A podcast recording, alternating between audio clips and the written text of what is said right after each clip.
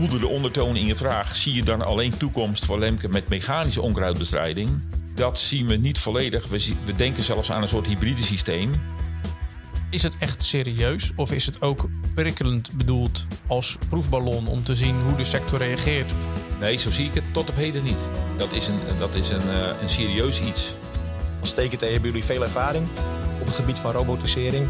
Ehm, waarom uh, is er dan nog geen TKT schoffelrobot? Je maakt wel hele grote stappen, Robert, met deze vraag. Is dat de vraag die je het meeste krijgt? Worden ze blauw, worden ze rood? Dat is een goede vraag. Ik kan er geen antwoord op geven. Je zal graag een antwoord van mij willen horen. Ik kan er geen antwoord op geven nog. Want ik weet het eenvoudigweg niet. En ik zie je naar mij kijken van, ja, dat weet die Hans. Nee, dat weet die Hans niet, wat voor kleur het wordt.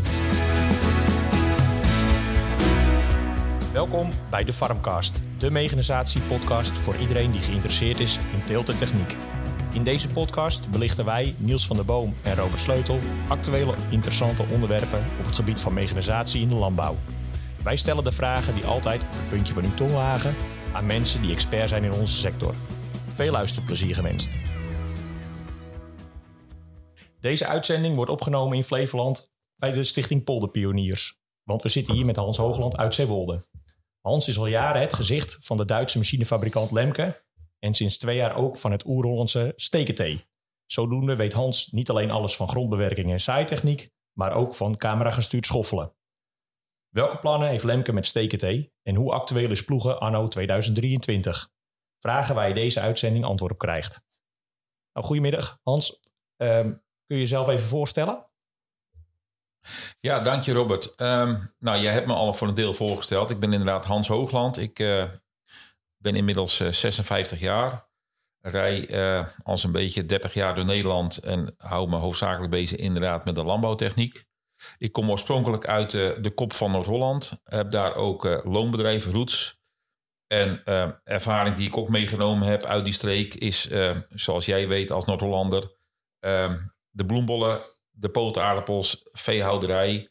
Uh, en natuurlijk de groenteteelt, die daar ook veelvuldig plaatsvindt. En uh, mede met die basis, ehm, nadat ik de Lage Lammerschool in Schagen, de middelbare in Alkmaar en de hogere in Leeuwarden heb gevolgd, voer ik mijn vak uit.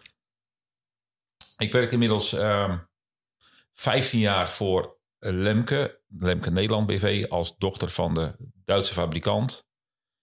Uh, samen met een aantal monteurs uh, proberen we zo goed mogelijk de dealers uh, te ondersteunen. En die 15 jaar als Noord-Hollander bij een, bij een Duitse firma, gaat het er dan heel, heel anders aan toe? Lijkt me best wel wennen. Is toch een meer hiërarchische structuur, mag ik dat zo stellen? Ja, mag je zeker stellen. Um, als Noord-Hollander kan het er wel eens zijn dat je hard wat op de tong ligt. Dat kan natuurlijk ook een voordeel zijn.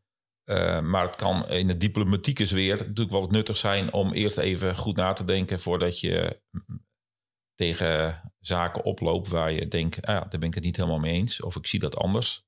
Ja. Um, maar het is wel, um, ik zal niet zeggen ontspannen, maar het is heel, heel prettig werken met een firma die hiërarchisch werkt. Dus afspraken nakomt, duidelijk is, gestructureerd werkt dat maakt het voor mij, de dealers en de eindklanten, denk ik, uh, toch wel heel prettig werken. Ja, het is misschien wel opvallend, want nou, jij bent dan al 15 jaar het gezicht van Lemke in Nederland. Um, je hebt uh, Anthony van der Lee uh, op een uh, hoge positie. Iljan Schouten, nog een Nederlander, op een hoge positie. Dus Lemke en Nederlanders, dat is toch wel een, goede combinatie. Ja, blijkbaar. Um, we weten erachter, weet ik ook niet volledig, maar... Um, Misschien ook wel ik, gewoon toeval. Nou ja, het kan toeval zijn. Ik moet er ook nog wel aan toevoegen dat zelfs uh, binnen Lemke nog een aantal Hollanders werken. Die uh, min of meer belangrijke uh, spelers. Ik weet iemand op de ontwikkeling van de Rotekopweg is een Hollander. En iemand die zich bezighoudt met regelgeving is ook een, een Nederlander. dat maakt voor mij het werk iets leuker. ik kan vrij goed Duits, maar in je eigen taal spreken en afstemmen met collega's maakt het nog een klein stukje leuker. Um, maar de reden erachter, die kan ik niet helemaal duiden. Ja. Nou uh, komen we een beetje uit de coronaperiode, waarin uh, leverproblemen, maar ook prijsstijgingen best wel invloed gehad hebben op de markt. Hoe, hoe staat dat er op dit moment voor? Um, ja, goede vraag. dat is inderdaad iets wat de laatste twee à drie jaar gespeeld heb. Ehm, zeker ook leverproblemen, daar wil ik toch wel even op ingaan. Als ik dat nu terugkijk, had daar Lemke natuurlijk ook wel last van. Zeker op het gebied van elektronica, zoals sensoren, uh, et cetera. Ehm, maar toch moet ik zeggen, anders hadden we ook niet zo'n grote omzetstijging gehad vorig jaar. Hebben we heel veel machines tijdig kunnen leveren. Dus daar komt toch weer een beetje de Duitse structuur omhoog. En we werken ook met veel toeleveranciers, heb ik wel gezien, die ook vanuit de Duitse markt werken. Dus uh, korte lijntjes. Ik denk ook trouw naar elkaar toe. Um, we hebben nu nog wel wat leveringsproblemen. We hebben allemaal gedroomd 2023 zijn de leveringsproblemen voorbij. Dat is niet helemaal waar. En dat is niet altijd het gebrek aan spullen.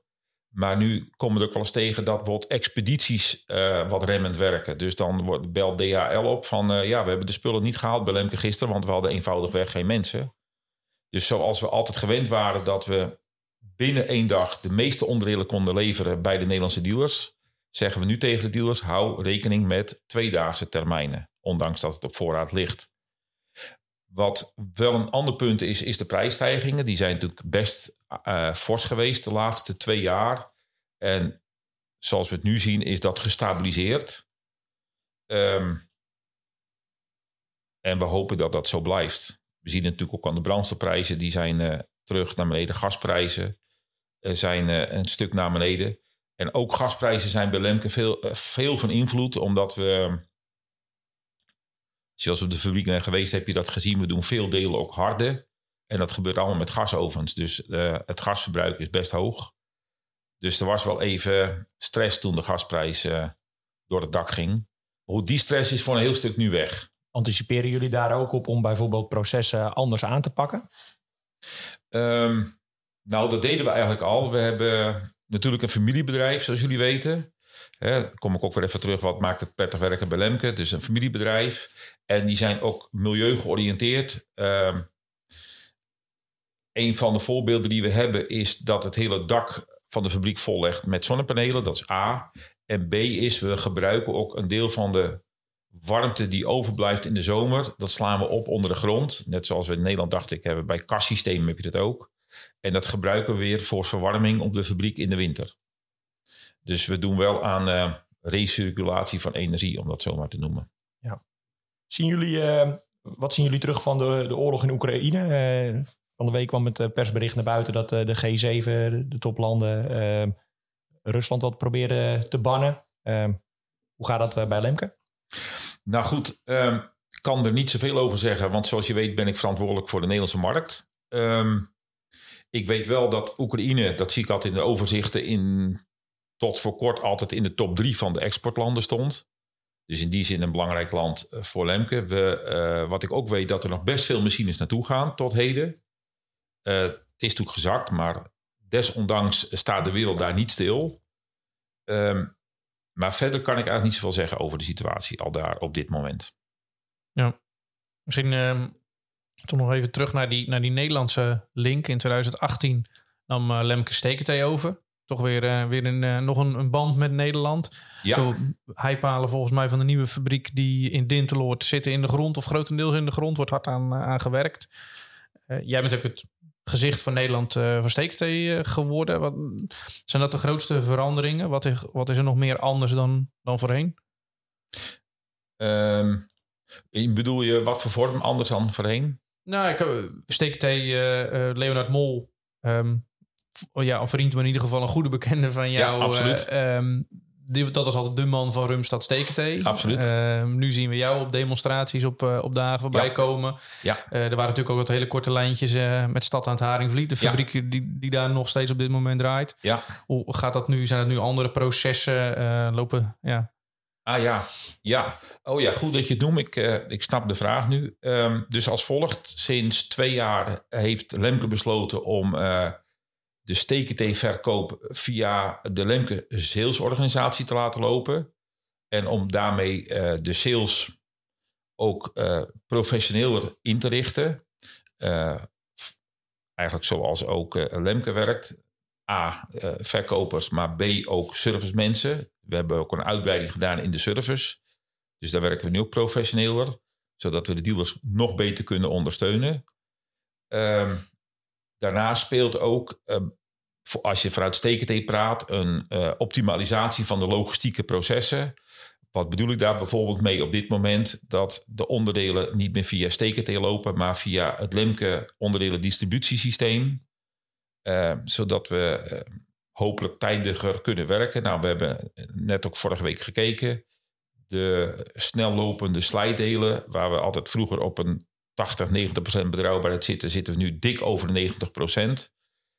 Uh, zo zijn er al stappen gemaakt. Toen die stap werd gemaakt uh, van STKT naar het Lemke verkooporganisatie, heeft Leonard gezegd, nou, uh, ik zoek een nieuwe uitdaging. Lemke is ook actief met STKT in bijvoorbeeld Noord-Amerika. Daar ligt ook een grote markt, ook een groeiende markt. Zeker op het gebied ook van uh, ecologische landbouw, biologische landbouw.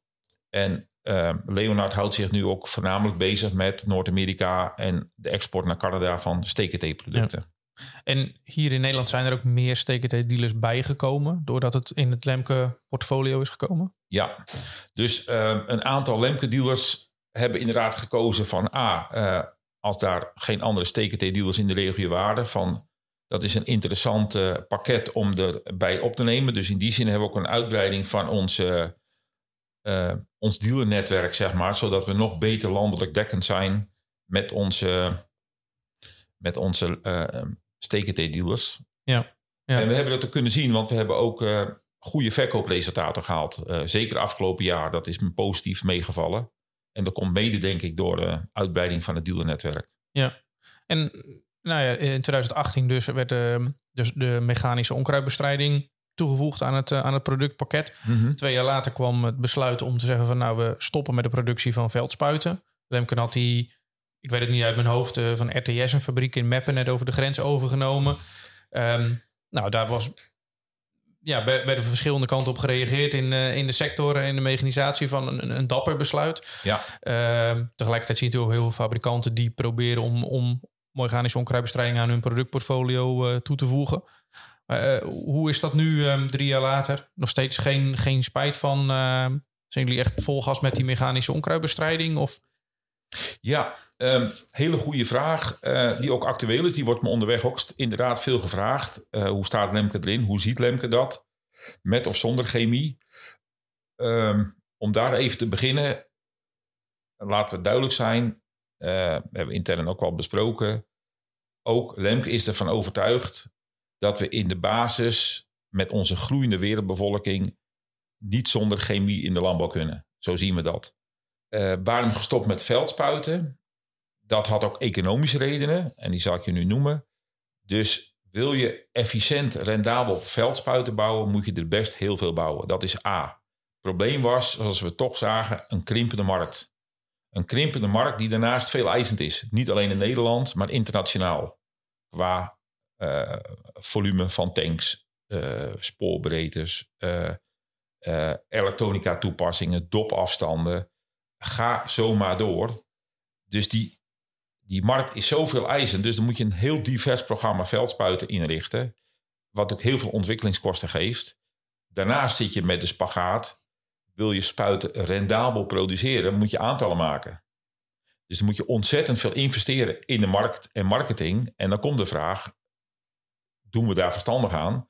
Daarnaast zaten we op onze locatie in Alpen, die zeg maar uit zijn voegen barsten. Dus we zaten met ruimtegebrek.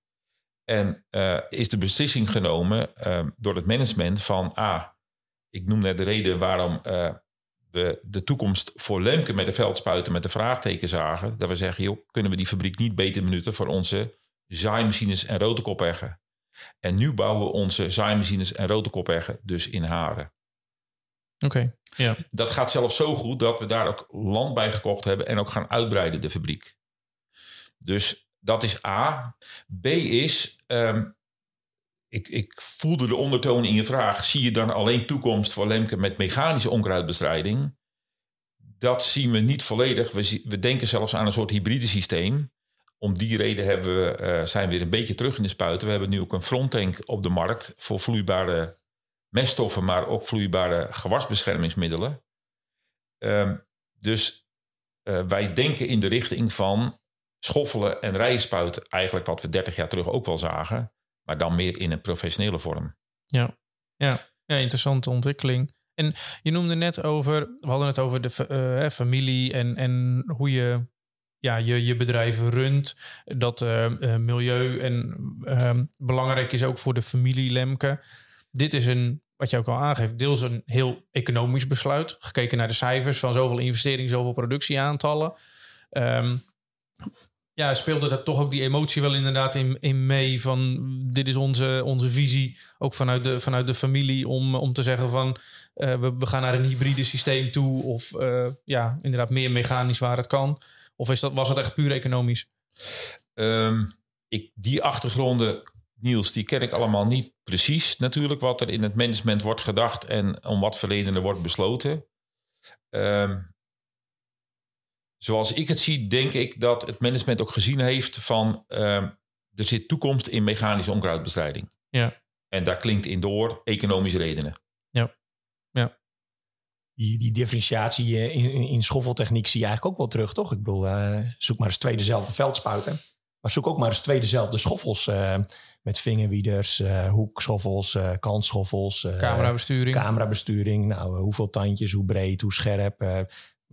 Ook een zeer diverse differentiatie aan, aan producten. Klopt. Met hetzelfde naampje, schoffel of veldspuit. Klopt. De optielijst van een, van een schoffel is misschien uh, net zo lang als van een veldspuit. Nou ja, dat, dat, dat weet ik niet precies. Misschien nog wel Kan ik suggereren, ja. ja. Hans? Ja, hele goede vraag van jullie kant. Um, schoffeltechniek is inderdaad ook heel divers. En um, de, zoals het er nu voor staat, is er daarom ook gekozen voor, dat noemen we dan de professional line. Dus dan denk je meer aan internationale markt.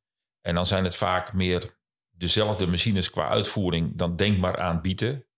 50 centimeter, maar dan beginnen we al 45 in sommige landen. Dat zijn min of meer gelijkwaardige machines. En daarnaast heb je natuurlijk, een, uh, wat het grootste gewas in Europa is, is mais. En dat zijn ook min of meer gelijke uitvoering machines. Dan is daarnaast hebben we een lijn meer voor de groenteteelt. En ook specifieke wensen in Nederland. Uh, we denken ook aan boomkwekerijen, bloemen, et cetera. Daar hebben we dus voor de individuele lijn. En daar kunnen we dus apart configureren. Hebben een aparte prijslijst voor. En dan krijg je inderdaad de hele lijst met opties. Wat mijn vak ook boeiend en uitdagend maakt. Met heel veel verschillende schoffels, hoekschoffels, schijfjes, vingerwieders, tossiewieders, allerlei soorten rijafstanden. Uh, daarnaast hebben we nog een paar opties, allerlei uh, varianten erin. We hebben lichtere elementen, zwaardere elementen. Dus inderdaad, ook bij, binnen het schoffelassortiment heb je een grote variatie aan uitvoeringen. Misschien wel een mooi bruggetje naar hoe de markt er voor Nederland uitziet voor Lemke. Is dat uh, de individuele lijn van Stekentee of van Lemke dan ook nou ja, een, ja, een succesnummer? Of hoe, hoe loopt dat?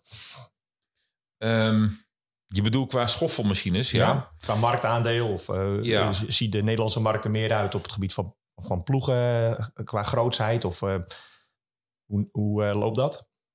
Um, misschien kan je je vraag nog iets meer duiden, zeg maar. Nou ja, meer in aantallen. Dus uh, je verkoopt 100 in de markt. Uh, ja. Nou, in het verleden, eh, als je alleen ploegen in het segment had, uh, was dat 100 aan ploegen. Ah, zo, of misschien ja. 10 aan koppig, geen idee. ja.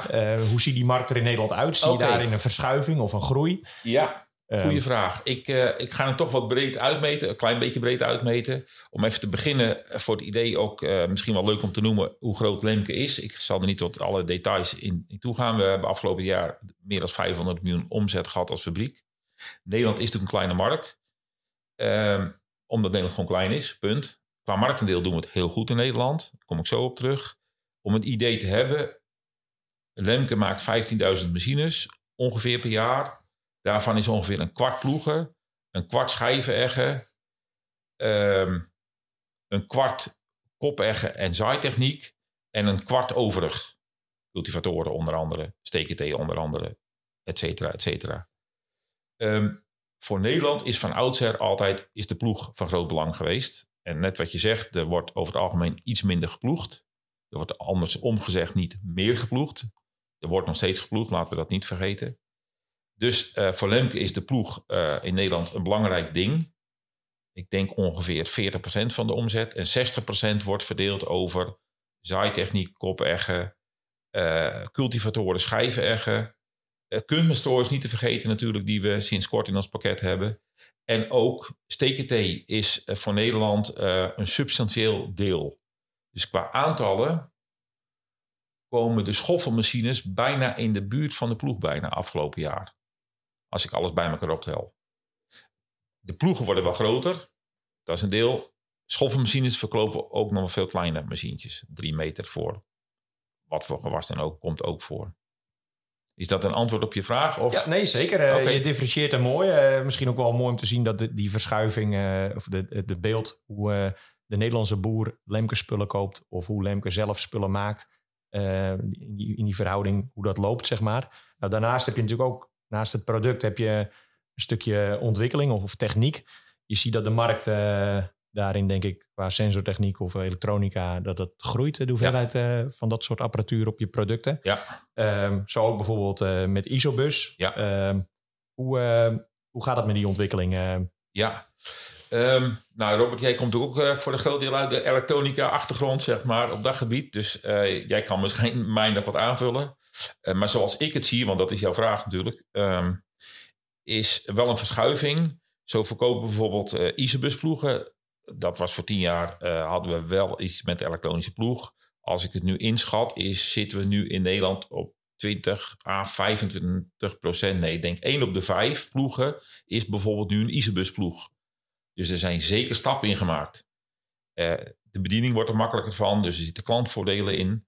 Um, en het voordeel is dat we nu kunnen zeggen dat de laatste vier, vijf jaar zijn de moderne trekkers ook zo uitgevoerd dat we die heel goed met, en makkelijk met Isabus kunnen koppelen. Um, daarvoor was dat nog wel eens lastig, omdat niet alle tractoren volledig Isabus waren. Dat gaat nu stukken beter. Uh, nummer twee is, uh, wat ik net al noemde, we doen kunstmeststrooiers. En we leveren nu natuurlijk veel kunstmeststrooiers uit met sectieschakeling, vaak ook via Isabus geregeld. Um, en de eerste strooiers rijden nu met taakkaarten. En dat vind ik echt plussen. En ik denk zeker dat we daar in de toekomst meer van gaan verwachten. Om nog efficiënter uh, bijvoorbeeld je kunstmest toe te dienen op je perceel. Op de juiste plek. Uh, we hebben eh, Isabus schakeling met zaaimachines. Uh, onze Azeriet precisiezaaimachine. Die rijdt ook standaard op Isabus. Ik begrijp er al van dat er diverse in Duitsland rijden met taakkaarten. Dat ze mais via taakkaart op bepaalde plaatsen dunner of dikker zaaien, automatisch. Um, dus daar, daar zijn echt, worden wel stappen in genomen. A, bedieningsvoordeel. B, uh, toepassingsvoordelen. Um, je ziet bijvoorbeeld ook uh, bij de schoffelmachines. Uh, je hebt natuurlijk bij een spuitsectieschakeling als optie. Dat hebben we ook bij schoffels. Want als je natuurlijk een 12 rijige schoffel hebt in de bieten. En je hebt geen sectieschakeling. Dan moet je hele punten laten liggen als je geen rechthoekig perceel hebt. Dus dan kunnen we optioneel ook automatisch dus rij voor rij uitheffen via ICBus sectieschakeling. Dus um, ik zie daar best een uh, hele grote verandering. En ja, ik zal geen percenten kunnen noemen. Maar ik denk dat wel 40% van onze machines op het moment met een kabeldram uh, de fabriek verlaat. Voor de Nederlandse markt. En daar loopt Nederland, en dat was jouw vraag denk ik. En daarvoor is Lemke, uh, Nederland ook belangrijk voor Lemke. Daar loopt Nederland zeker in voorop. Daar ben ik van overtuigd. Heeft Lemke daarbij ook zeg maar, al machines die uh, voldoen aan TIM? Tractor Implement Management? Ja, goede vraag. Dat is een volgende stap. Um, wij hebben al elektronica ontwikkeld voor TIM bedoeld. Een jaar of drie, vier geleden. Bijvoorbeeld dat we ook ploegbesturing uh, kunnen aanbieden. En dat TIM, ik weet niet voor de luisteraar of het bekend is, maar dan is het de bedoeling dat de elektronica van de machine de trekker aanstuurt. Bijvoorbeeld hydrauliekventiel, brede, ja. smalle ploegen. Een voorbeeld. Cultivator, dieper, ondieper op een bepaalde plek. Harder laten rijden. Harder laten rijden. Of zachter. Kan. Ja. Uh, maar wij richten ons tot op heden op die twee punten. En ze waren ook maar weer met andere dingen bezig, hoorde ik laatst. Um, probleem schijnt te zijn dat er nog heel weinig timtrekkers zijn. Er komen er langzaam meer.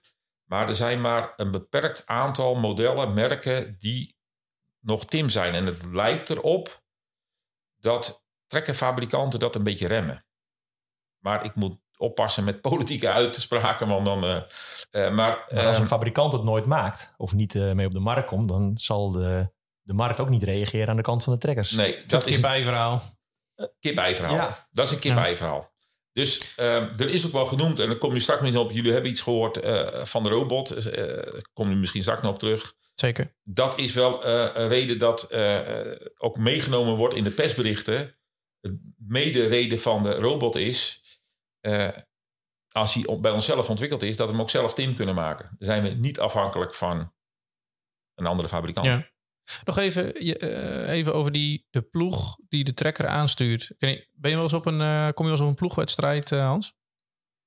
Weinig, okay, eerlijk ja. zeggen. Dat, is ik, eigenlijk, dat hoort ik, niet bij mijn achtergrond. Maar. Nee, ja, ik ook niet. Maar het valt me wel op dat het uh, vaak de wat senior um, uh, mensen zijn die daaraan, die daaraan meedoen. Mm -hmm. En iedereen heeft misschien ook wel van huis uit meegekregen over hoe je moet ploegen. En dat is, dat is gewoon een sport. Hè, daarom, uh, daarom die ploegwedstrijden. Ja. Dat die ploeg die trekker aan gaat sturen, is dat ook niet omdat de persoon die, die op die stoel zit eigenlijk niet meer weet wat overbuik en overrug is. En wat, wat een zoolijzer is en wat een rister is en wat een afstrijker is en noem het maar op. Nou, of je dat verband één op één kan trekken, dat durf ik zo geen uitspraak over te doen. Uh, ik verneem wel eens van klanten dat ze bijvoorbeeld inderdaad zeggen: ik kies voor een Isabus ploeg, om dat maar even te doen als eerste. Waar het bedieningsgebak mee toeneemt. En dan hoop ik ook dat minder ervaren ploegers zich goed uit de voeten kunnen maken. Met makkelijke instellingen. Ik, ik mag het niet vergelijken, maar ik doe het toch even ik verneem ook al dat MyDorsers, waar je vroeger van alles moest instellen of omstellen als je van koolzaad naar tarwe ging. Uh, en nu heb je ook een drukknopje schijnbaar in de MyDorser. Jullie weten dat allicht beter. Uh, je drukt hem op koolzaad of uh, tarwe en hij stelt zich automatisch al van 90% in op dat gewas. Ja, hij geeft een melding van joh, ik zou de mantel iets ruimer zetten of ik zou iets harder gaan rijden, want ja. dan heb je een beter resultaat. Ja, nou, zover zijn we nog net niet, maar we kunnen wel bijvoorbeeld vier voorkeuzes maken bij onze Isabus-ploeg. Stel, knopje 1 is in de voorploegen, knopje 2 is online ploegen, knopje 3 is afploegen. Hè, dan wil men de eindvoort wat ondieper hebben. Uh, dat zijn wel zaken die, wat jij noemt, op de achtergrond meespelen. Dat het bedieningsgemak toeneemt. Dus ook voor de minder ervaren ploegen, dat hij zich makkelijker uit de voeten kan maken. Ik, ik heb altijd het idee dat heel veel van die vragen ook wel uit Nederland, van Nederlandse gebruikers komen, die altijd op zoek zijn naar die laatste 2, 3 procent verbetering. Terwijl ik juist kan voorstellen, als jij, nou we hadden het over Oekraïne, je daar uh, 20.000 hectare hebt met allemaal personeel je daar veel eerder voordeel vandaan haalt. Terwijl dat die ontwikkeling misschien wel. Hoe, hoe, hoe belangrijk is die mening van die Nederlandse boer uh, voor Lemke om verder te komen met producten? Om, uh... Ja, dit is denk ik uh, een spijker op de kop vragen, Niels. Um, de, de, Nederlandse boer, en dat maakt mijn vak ook zo leuk, denk ik. We willen altijd een stapje verder zijn als het even kan. Dan werk ik gelukkig bij een fabrikant. En dan kom ik even terug op de eerste vraag. Die probeert ook altijd een stapje vooruit te zijn. Dus ik mag met al die stapjes vooruit de Nederlandse markt in. En daar is vraag vaak belangstelling voor om vanuit de nieuwsgierige Hollander, die ook veel waarde hecht aan netjes ploegen. Uh, dat doet hij ook niet zonder reden. Um, en dat brengt inderdaad alles tot de spagaat. Die Hollander zegt, ja, ik wil dat uh, tip-top hebben. Uh, en we komen met die tip-top producten wel eens niet altijd aan op de Oost-Europese markt. Want dan, is, dan telt er maar één ding, hectares doen. Ja. En uh, dan is de kwaliteit. Um, en eenvoud van, misschien ook wel. Eenvoud, klopt. Nou, het valt me wel op dat ik weet dat er uh, misschien wel een kleine tien jaar geleden hier in Flevoland er door Lemken of samen met de dealer hier een zaaicombinatie werd afgeleverd. He, Lemke heeft misschien nog wel 30 jaar de solitaire in het programma. Er zit de zaadtank achterop. En die man zei, ik wil een fronttank, ik wil betere gewichtsverdeling. En dan wil ik wel een 6 meter rote koppig en een 6 meter koutebalk. En wat schetst mijn verbazing, twee, drie jaar geleden komt Lemker in één keer met de solitaire 23 of 23 plus op de markt. hey, we hebben een fronttank. Ik denk van ja, maar die rijdt hier al tien jaar rond. Is dat, gaat het inderdaad echt zo dat de, iemand dan bedenkt iets in de praktijk en dat werkt en dat ze dan denken in Alpen van verdorie, dat, daar kunnen we wat mee. Er zijn meer klanten die dat willen. Mm -hmm. Of is dat te, te simpel gezegd? Ja, dat is dat heeft meerdere factoren. Ik denk als je internationaal bekijkt, is nog steeds de grootste markt voor saaitechniek getrokken of achterop. Dus uh, buiten een stukje West-Europa kiest men overal inderdaad misschien wordt voor het gemak pen erachterin. Uh, uh, hydraulikslangen eraan en zaaien. En inderdaad... Uh, Isobestekker. Hectares maken. En um, Isobestekker, niet vergeten, ja, drukloos de toer voor de olie. Uh, maar goed, dan worden we te technisch. Maar niet onbelangrijk, inderdaad. Um, en uh, een stukje West-Europa waar Nederland onder behoort, willen we zoveel mogelijk combineren. Dus komt de fronttank in beeld. Met niet al te zware trekkers. En we zitten hier natuurlijk beneden zeeniveau. Dat betekent, plus aan de kust, dat we hier vaak een neerslagoverschot hebben. Dus getrokken machines komen hier in deze regio niet zo makkelijk uit de verf. Dus hoe kan je dan toch met een trekker veel capaciteit halen bij een 6 meter, 5, 6 meter brede machine? Dat is met een fronttank. Dat is A. De reden ligt nog iets breder, Niels, dat we hebben een Aceriet precisiezaaimachine voor mais ontwikkeld een jaar of zes geleden. Voor de kunstmestvoorziening was het dan wenselijk dat we een fronttank hadden. En die fronttank hebben we ook benut uh, om mee graan te kunnen zaaien achterop. Uh, ik moet er wel bij zeggen dat het, en daar moet ik de constructeurs recht op geven, Lemke staat voor optimale zaaitechniek met optimale doorzeergelijkheid. En dat is makkelijker met een tank achterop. Want als je tank voorop hebt, heb je natuurlijk een aantal meter meer slang erachter. Ja. En als je dan heel weinig kilo's perfect wil verdelen, dan wordt dat iets uitdagender. En uh, kenners in de markt die weten het ook. We hebben niet veel koolzaad in Nederland, maar om één ding te noemen. Koolzaad zaait tussen 2 en 5 kilo per hectare. Uh, en dan moet je waakzaam zijn op, op, een goede verdeling. Ja. Dus er zit ook wel een stukje story bij. Plus dat het met de fronttank wat lastiger is om spuitsporen en rijbanen aan te leggen. Ja. Maar goed, dat hebben we nu ook ondervangen met de nieuwe fronttank. Um, helder verhaal. Je, je noemde zelf al inderdaad even de robot. Die vorig jaar werd geïntroduceerd samen met Kronen. Ja. Um, voor de hooibouwwerktuigen. Ja. Bij je simpel gezegd, je hebt een, een groene variant en hangt een frontmaaier aan of een schudder achter. En je hebt de blauwe variant, er hangt een, een ploeg of een rode kopper aan. Ja. Uh, hoe vaak vraag jij in Alpen bij de ontwikkelaars, wanneer, wanneer staat hij in het boekje, wanneer kan ik hem in Nederland verkopen? Ja, ja geweldige vraag. Ja, die, die, ik vraag me niet te veel, want ik weet het antwoord al. En jij, ik zie het eigen gezicht dat jij het antwoord waarschijnlijk ook al weet wat ik wil gaan zeggen. tot op heden zeggen ze nee, nog niet. Dus dat ding is zo mooi in de ontwikkelingsfase. Um, maar is het, um, ik weet niet of je hier kan en een antwoord op wil geven. Mm. Is het echt serieus of is het ook prikkelend bedoeld als proefballon om te zien hoe de sector reageert? Of dat klanten aankomen kloppen en zeggen: ik moet dat ding hebben, Hans, zet hem hier op het erf neer. Of is het ook, ik kan me, het is wel een heel ver van je bedshow als, als je vertelde net hoe belangrijk ploegenproductie nog is, een kwart van de of ja, ik schrok ervan, is niet het goede woord. Maar ik verbaas me erover dat het nog zo'n groot aandeel is. En zegt van, Tesla die zegt ook niet van, nou, wij gaan een even ploegen bouwen. Nee. Jullie doen het eigenlijk wel andersom. Ja, er zit ja, misschien nog meer elektronica op dan, dan op een Tesla. Ja, ja. Um, ja, goed. Alle strategische achtergronden kan ik inderdaad allemaal niet precies vertellen. We weten natuurlijk allemaal hier in deze ruimte dat, dat robots in de, bestellings, in de belangstelling staan. Zeker nu ook doordat er steeds minder personeel beschikbaar is. Uh, maar die robot is geen marketingtruc die... Nee, zo zie ik het tot op heden niet. Dat is een, dat is een, uh, een serieus iets waar we uh, ons op richten. En dat, uh, ik heb wel telefoontjes gehad. Hans, kan je je meer duiden hoe de belangstelling in de Nederlandse markt ligt? En waar ligt die dan? In welke hoek? En noem maar op. En hoe moeten we dat zien? dus daar kan ik al merken dat dit een serieus traject is die we samen met Kronen zijn opgestart. Want weer even dat vergelijk tussen de Oekraïnse boer en de Nederlandse boer. We hebben hier kleine arealen. Ja. Heb je een hele dure robot. Maar Ja. we hebben ook heel duur personeel. Of we hebben misschien helemaal geen personeel. Ja. Ehm, zie, zie je daarvoor kansen? Het, het, natuurlijk het opleidingsniveau van de ondernemer hier of, of de operator is vrij hoog. Ja. Denk ik hoger dan in Oost-Europa. Ja. Het Zie jij goede kansen? Nou, ik, eh, ik weet het ook niet precies. eh, als je het over kansen hebt, dus dat is even in de glazen bol kijken, kan het wel zijn dat de markt in Oost-Europa groter is als in West-Europa. Alleen al vanwege de personeelsop, eh, perceelsoppervlaktes en de intensieve landbouw die we hier hebben met de vele wensen onderweg. En dan vraag ik me wel eens af of de robot daar altijd bij past. En ehm, zoals ik het zie, maar dat is mijn persoonlijke mening, eh heb een robot ook meer kans bij eenvoudig werk als bij gecompliceerd werk. Want bij gecompliceerd werk moet hij natuurlijk ja, heel veel eh, sensoren hebben om te kijken of er niks volloopt, vastlopen, goed gaat. En dan kan elke keer die boer elk kwartier er naartoe als er weer een rood lampje brandt. Ja.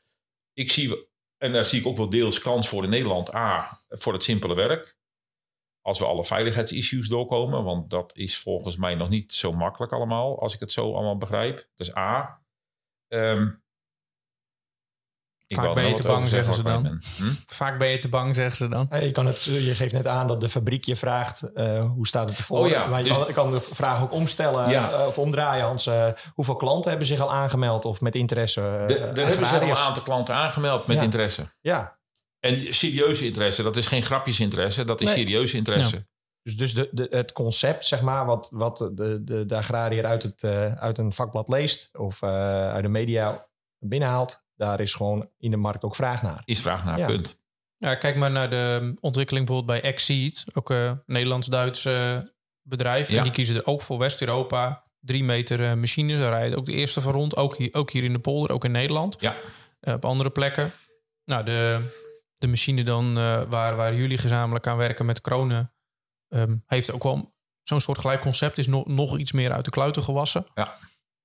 Ehm, ja, dus wel, wel heel benieuwd hoe die ontwikkeling gaat de komende Ja. drie tot vijf jaar.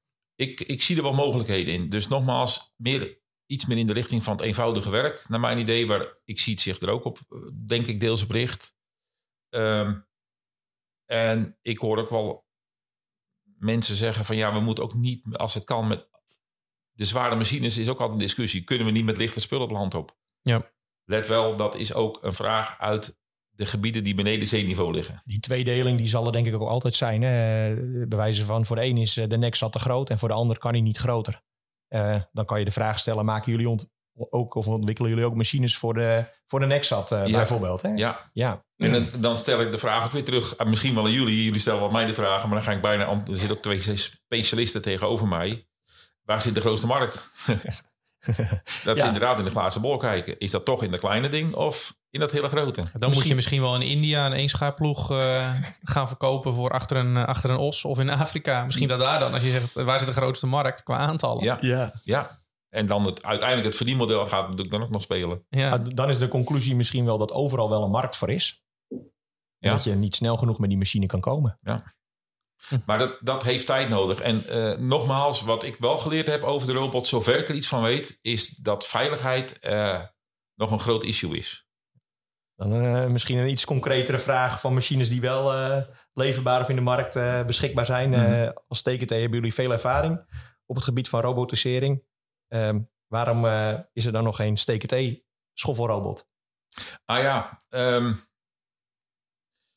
dat, je maakt wel hele grote stappen, Robert, met deze vraag. Ehm, ik wil graag dan een paar tussenstappen noemen.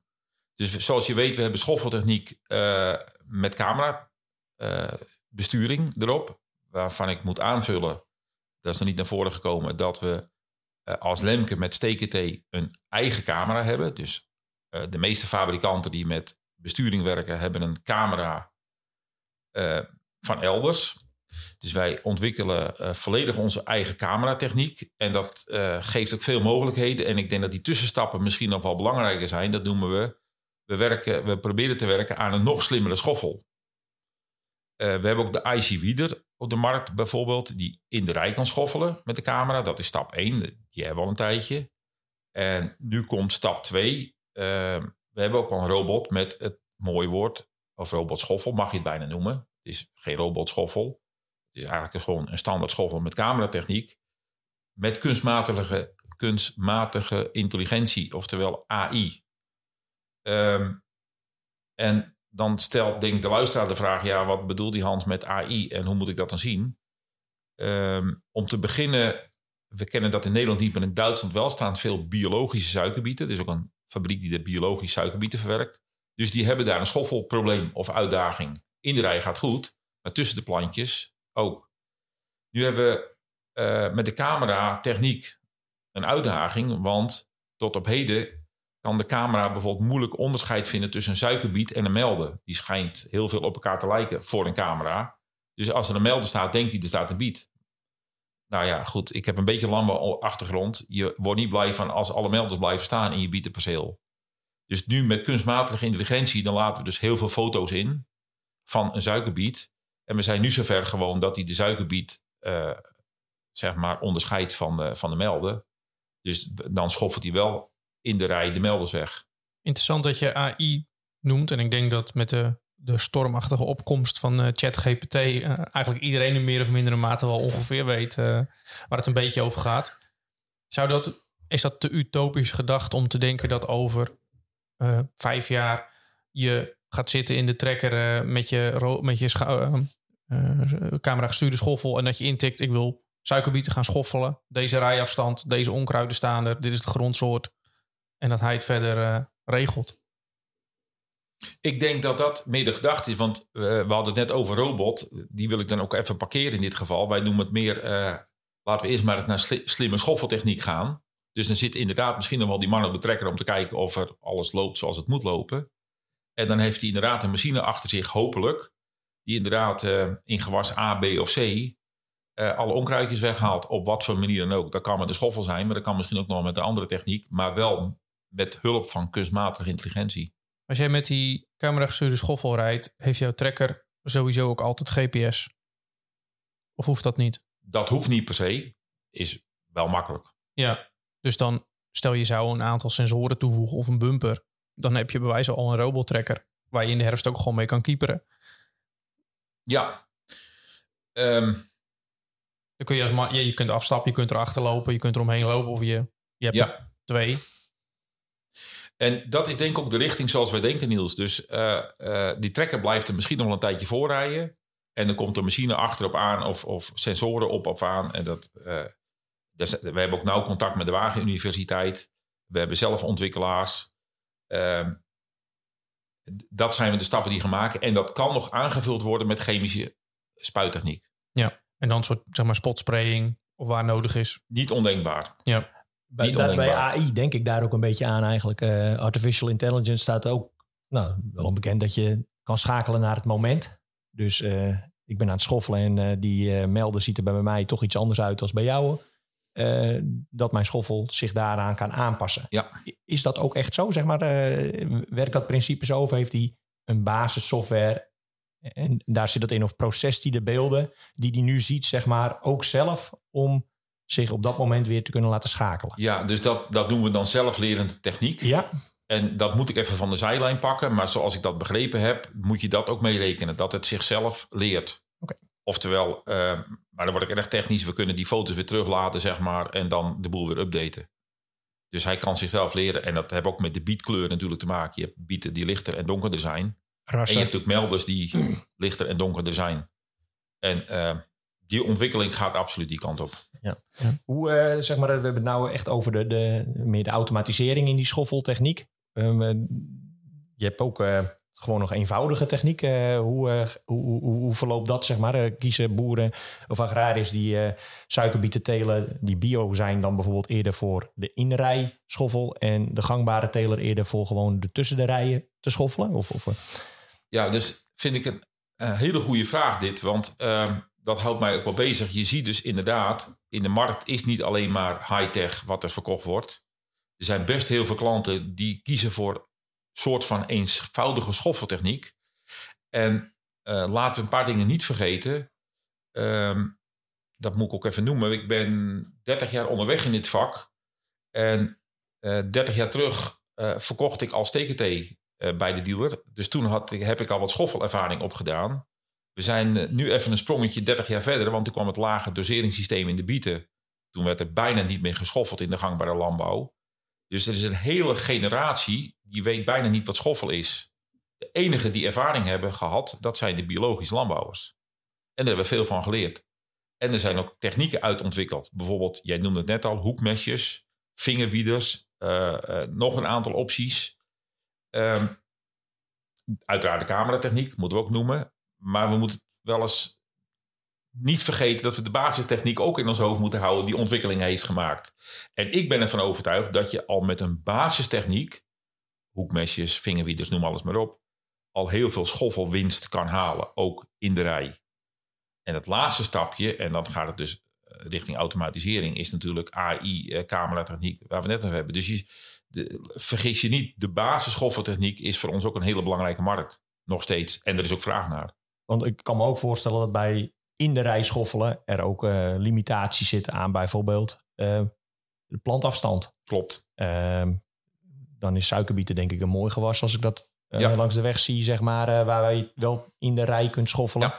Maar ja, daar zijn denk ik ook wel beperkingen aan. Klopt. We hebben de techniek tot op heden, zeggen we. Er moet, het kan heel goed in groentes, kool en sla en bieten... met minimaal 20 centimeter afstand in de rij. Ja. Wordt de rij, de plantafstand in de rij minder als die 15 centimeter... ja, dan moeten we nog wat bedenken daarop, zeg maar. Dus uh, dan moet je het met de basistechniek doen. Uh, waar ook inderdaad veel in mogelijk is. En um, we begonnen... Uh deze podcast ook met een stukje even over de introductie, de overname van Stekentee, nieuwe fabriek die in Dinteloord wordt gebouwd. Mm Rollen daar straks alle schoffelmachines uit, de basismachines en de camera gestuurde machines? Of gaat een deel van de productie in Duitsland plaatsvinden en is het meer de specialistische machines in Nederland? Oh ja, um, dus inderdaad, de fabriek die zijn ze overigens nu volop aan het bouwen. Als ik het goed heb begrepen, is die na de zomer, eind dit jaar klaar. Uh, er zijn twee dingen daar worden daar gemaakt. De machines, de schoffelmachines, schoffeltechniek. En ook de ontwikkeling van STKT blijft daar. Dus de ontwikkeling van de cameratechniek, kunstmatige intelligentie... vindt alle straks plaats in Dinteloord. Um, en niet te vergeten de Wieteg. Dus jullie hebben misschien iets gezien al op de CIMA. Um, de zwarte Wieteg. De zwarte Wieteg. Ja, de zwarte, ja, Wieteg. Ja. ja. dus de is dat de vraag die je het meeste krijgt? Worden ze blauw, worden ze rood? Dat is een goede vraag. Ik kan er geen antwoord op geven. Je zal graag een antwoord van mij willen horen. Kan ik geen antwoord op geven nog. Want ik weet het eenvoudigweg niet. En ik zie je naar mij kijken van, ja, dat weet die Hans. Nee, dat weet die Hans niet, wat verkleurd het wordt. Ik weet wel dat ze hem, wat ik wel weet Niels, ze gaan hem in Dinteloord produceren, de Wieteg. Tenminste, dat is mij verteld. Dus daar ga ik ook vanuit dat we dat zo doen. En er komt nog een uh, bord van stekentee op, uh, op de hoek van het pand. Uh, het is een Lemkenfabriek. Oké. Okay. Dat zegt genoeg. Het is een Lemke-fabriek, dus hij is eigen, eigendom van, nou ja, laten we weer zeggen, het familiebedrijf Lemke. Ja, maar ik kan me. Kijk, stekentee, we mogen, er best, mogen soms best trotser zijn. Mogen, mm. Van, de, van de, de, Duitsers kunnen we dan wel wat leren, gewoon trots op onze eigen merken. Maar als je internationaal succesvol wil zijn, mm -hmm. ja, in alle eerlijkheid, zo, ik hoop niet dat Leonard luistert nu, maar dan kun je beter een Lemke-sticker erop plakken dan een Stekentee-sticker. Uh, mm -hmm. of, of zie ik het nu helemaal nou ja, in ieder, geval, in ieder geval is het zo dat, mag ik dat zeggen, mag ik een beetje opscheppen, Stekentee is wereldberoemd in Nederland en zeker in Zeeland. ja. Ja. Eh, dus, uh, maar wat verder qua kleur eruit okay. komt, uh, ik zal je graag een antwoord willen geven. Ik, uh, dan ben je ook misschien wel niet de eerste die het hoort, maar bijna de eerste. Ik kan het je nog niet vertellen. En ik dacht dat we hier een scoop zouden hebben in deze podcast, Robert. Nou ja, ik denk op zich dat de nieuwe fabriek in Dinteloord voor velen ook al wel mooi nieuws is. Of nieuws. Ja, dat is, ja. Nou ja, goed, dat is al, al even bekend natuurlijk. Uh, ja. Die gaat, gaat wel en, best wel snel. En dat is meer interne info, wat voor ons uh, en voor mij ook wenselijk is. Uh, als je een nieuwe fabriek bouwt, dan kunnen ze ook naar nieuwe processen, nieuwe montageprocessen gaan. onderdelenprocessen lopen dan beter. Dat gaat ons ook helpen in de markt. Wat natuurlijk op de fabriek in Duitsland, die doek veel groter is, loopt dat procesmatiger eh, op een iets hoger niveau als op dit moment in Stad en Haringvliet. Ja. En dan kunnen we natuurlijk een hele grote stap mee maken in, uh, ja. Wat, wat is de verwachte eh, prognose aan, uh, aan productiestijging of capaciteit in Dinteloord?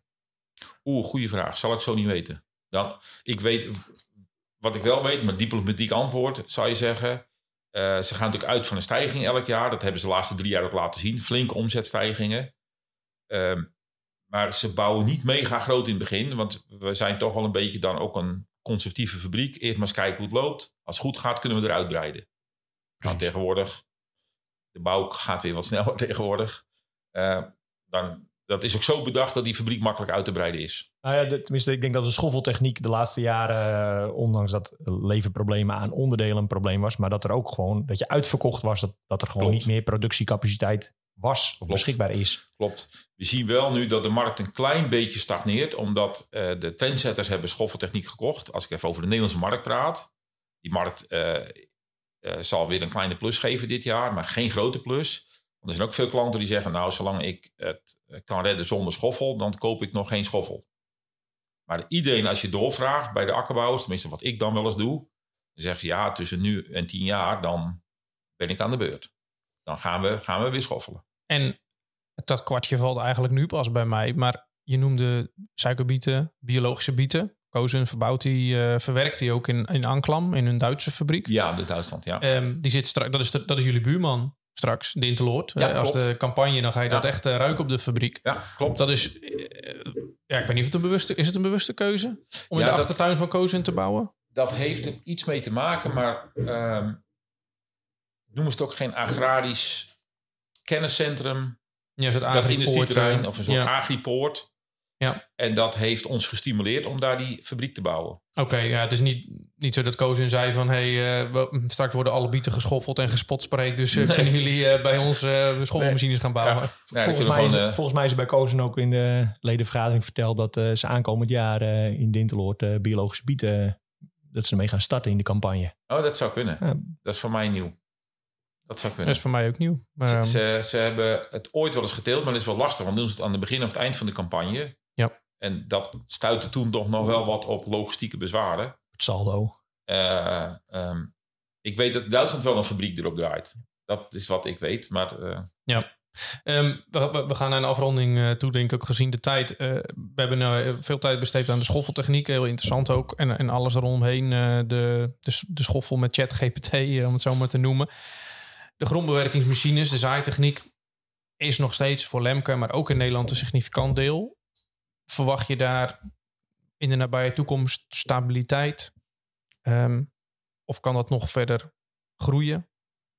ehm, ja, dat is eh, eh, een goede, maar ook wel een grappige vraag. Ehm, we hebben wat gezegd over de ploegen. Er wordt eh, nog steeds heel veel geploegd, maar dat breidt zich niet uit. Dat heb ik al genoemd. Dan gaan we naar zaaitechniek. Daar zie ik inderdaad al over de laatste jaren dat we langzaam groeien, ook in marktaandeel. Dat er wat mij helpt is bewustzijn van zaaitechniek. En dat is A voor de granen, maar B ook voor de groenbemesters. Groenbemesters worden steeds meer als teelt gezien. En dat proef ik onderweg. En er wordt door veel boeren bewuste keus gemaakt. Ik zoek naar een machine voor goede zaaitechniek. En dan komen we gelukkig als Lemke vaak in beeld. Ehm, wat helpt, dat zie je de laatste jaren weer. Als de graanprijs goed is, dan komt er weer meer belangstelling voor zaaitechniek. Zwakt de graanprijs weer af, dan zeggen ze ja, het is toch maar een bijteelt. Wij investeren liever in uien of in aardappeltechniek, want daar Ja. ligt meer toegevoegde waarde voor ons als bedrijf. Ik zie het omgekeerde in België, moet ik even noemen. Eh, zeker in Wallonië, wat natuurlijk Noord, eigenlijk Noord-Frankrijk is, laat ze het niet horen. Waar natuurlijk veel meer graantechniek zit. Daar zie je altijd veel meer belangstelling voor onze techniek. Want daar leggen ze, eh, zoals hier heel specifiek naar ploegen kijken, kijken ze daar eh, achter de komma naar zaaitechniek. Ehm, maar ik weet zeker, eh, de, de Nederlandse boer wordt professioneler. Dat helpt ons in de, in de, in de vraag naar zaaitechniek. Wel mooi om te horen even goed, want in onze vorige podcast bij eh, andere leverancier of fabrikant eh, kwam eigenlijk hetzelfde naar voren. Van, ja, eigenlijk bij graan eh, zou er wel meer aandacht mogen zijn voor, voor de techniek. Ondanks dat het misschien voor de Nederlandse akkerbouwer wat meer een budgetteelt is. Van nou, Ja. eh, we telen het omdat we een, een rotatie moeten hebben of een vruchtwisseling. Maar dat, dat, eh, Ja, dat ja, po- populair gezegd hier in de polder en misschien bij jou ook eh, in de Wieringenmeer is het is een oogstbare groenbemester. Je teelt het tussen Ja. twee eh, cash crops om, eh, om daar rendement te maken. Ja. En, het- en vorig jaar heeft toevallig iedereen een beetje geld verdiend aan, aan tarwe. En, en afhankelijk van waar je zit, daar een mooi saldo mee gemaakt vergelijkbaar met je andere producten. Maar ja, wij zijn ook wel misschien wel het enige land of een van de zeer weinige landen in de wereld waar, waar daar zo naar gekeken wordt. Ja, dat we dus eigenlijk zeggen, we willen even snel tarwe zaaien. We willen even snel onze tarwe ehm, bemesten. En, eh, eh, nou, maar ook snel oogsten, want het brengt niks op, zeg maar. Terwijl dat eigenlijk... eh, Ja, maar ook wel. Ik, eh, is wel letterlijk gebeurd. Iemand tegen mij zei: zegt Niels, zolang dat eh, die tarwe eh, bij mij ook tussen het frontgewicht of in de cabinerand groeit. Hij zegt ja, joh, hij zegt als strooien met de kunstmestrooier. Hij zegt het komt altijd op en we door ze altijd 10 ton. Dat is makkelijk gezegd, want het- als je kijkt naar het landelijk gemiddelde, die 10 ton die halen we niet. En vorig jaar was het hartstikke goed en het jaar daarvoor was het een stuk minder. Ehm, dus daar valt zeker wel wat te halen. Ja. Maar En er- er komt vaak een mindsetverandering. Inderdaad, de hoge graanprijs wordt natuurlijk ook het zaaigoed naverand duurder. En dan gaan ze denken, oeh, dat hele dure zaaigoed, moet ik toch maar proberen een beetje op de plek af te leggen. En dan komt Ja. er wat vogelschade wel eens bij. Dat ze denken, oeh, we gaan toch maar eens iets beter kijken naar de zaaitechniek. Maar in algemeenheid is het zo, vanuit Lemke gezien, stelt een Hollander relatief weinig waarde aan graanzaaitechniek. Dat wordt beter, daar worden stappen in gemaakt. Ehm, maar dan is het prijsniveau is inderdaad bepalend voor de interesse. Dat merk ik heel duidelijk. En nogmaals, groenbemesters, dat, dat, dat vind ik mooi om te zien. Daar, dat wordt steeds meer als teelt gezien. Dat wordt sommige, ik vraag wel eens mensen die zaaien niet oppassen met groenbemester als graan. En dan zeggen ze, nou laten we dat ook maar een beetje zorgvuldig zaaien. Want dat is wel eens belangrijk. Dat is, sommigen zien het belang in ook naar de toekomst voor. En ehm, dat is ook mooi om mee te eindigen misschien. Dat het, eh, dat, dat eh, we komen ook met een duo zaaitechniek natuurlijk. Eh, daar zien we ook al heel veel belangstelling bij. Waar ik zeker bij moet noemen, wat dan stimuleert, is subsidieprogramma's. En ehm, ja, we zitten wel in een markt tegenwoordig dat de verkoop mede wordt gedreven door subsidieprogramma's. En dan moet ik ook even kijken naar Den Haag. eh, dat ze er ook wel waakzaam moeten zijn hoe ze die subsidieprogramma's inrichten. En daar zal ik graag nog eens met iemand uit Den Haag eh, over bomen, zeg maar. Want dat gaat wel eens een beetje te snel door de bocht. Ja, ja. Nee, wat je zegt, eh, mooie, mooie afsluiting, mooie conclusie, denk ik zo. We hebben heel veel onderwerpen behandeld. We staan, ja, nabije toekomst gaan we denk ik nog heel veel ontwikkeling zien van, van Lemke, van Stekentee. Ja. Robotisering, cameragestuurde schoffels, eh, precisie, eh, zaaitechniek voor gewassen, groenbemesters. Hans, ik wil je hartelijk danken voor eh, ja, je deelname aan deze podcast. Ja, graag Wie gedaan. weet tot, een, tot de volgende keer. Oké, Ehm, ja, als mensen meer willen weten, dan eh, weten ze je denk ik wel te vinden. Of Ja. Lemke, anders www.lemke.com. precies. Robert, Oké. eh, moet eerst zijn iPhone ontgrendelen. Dank u wel. oh daar, hier gaat ook mee praten. Ja. Leuk dat je luisterde naar de Farmcast podcast. We zijn erg benieuwd wat je van deze uitzending vond. Ook ontvangen we graag tips of ideeën voor toekomstige afleveringen. Je kunt reacties sturen naar farmcast.farmmedia.nl of je vindt ons op Facebook, Instagram of Twitter. Alle Farmcast podcasts kun je vinden op Spotify, Apple Podcasts en op farmcast.nl. Tot de volgende podcast.